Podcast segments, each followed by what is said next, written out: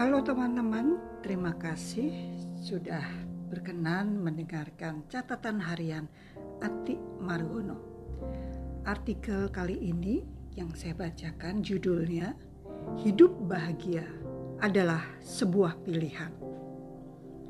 Seorang pemotong kayu yang miskin hidup berbahagia di sebuah pondok kecil di pinggir hutan. Ia memperoleh nafkah sehari-hari dari hasil menebang pohon. Tidak peduli selelah apa pun yang dirasakan, ia dan keluarganya selalu mengakhiri setiap hari dengan tertawa dan bernyanyi. Setiap malam, raja melintas di depan rumah keluarga yang berbahagia itu ketika ia dalam perjalanan pulang ke istananya. Sungguh mengusik hatinya bahwa rakyat biasa dapat begitu berbahagia.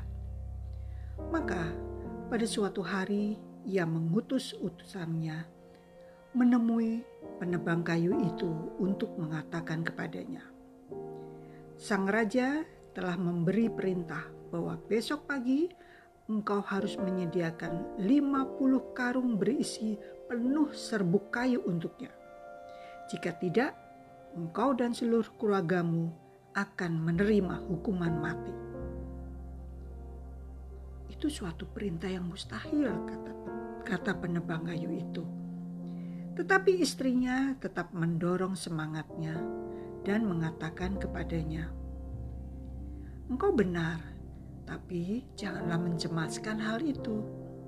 Kita telah mempunyai suatu kehidupan bersama yang baik, sehingga malam ini kita seharusnya bernyanyi lagi dan bersukaria sebagaimana biasanya. Itulah cara hidup dan itu pun menjadi harusnya cara kita mati. Maka mereka mengadakan perjamuan terbesar dalam hidup mereka. Setelah setiap orang pergi tidur, penebang kayu itu bersama istrinya tetap bercakap-cakap hingga fajar semuanya akan segera berlalu. Bisik istrinya seraya tersenyum. Jangan khawatir, kata suaminya. Lebih baik mati dalam damai dan sukacita daripada bertahan dalam kehidupan yang penuh ketakutan dan kecemasan. Sekonyong-konyong terdengar ketukan di pintu. Penebang itu segera membuka pintu dan mempersilahkan masuk utusan raja yang telah dinantikannya. Namun rupanya utusan itu sedang tergesa-gesa. Katanya, potonglah papan kayu sebanyak 12 lembar untuk membuat peti jenazah. Raja telah meninggal tadi malam.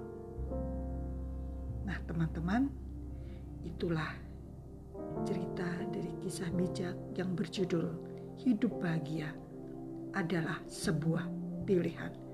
Semoga bisa menginspirasi untuk kita semua untuk selalu berbahagia. Terima kasih sudah mendengarkan catatan harian Ati Margono.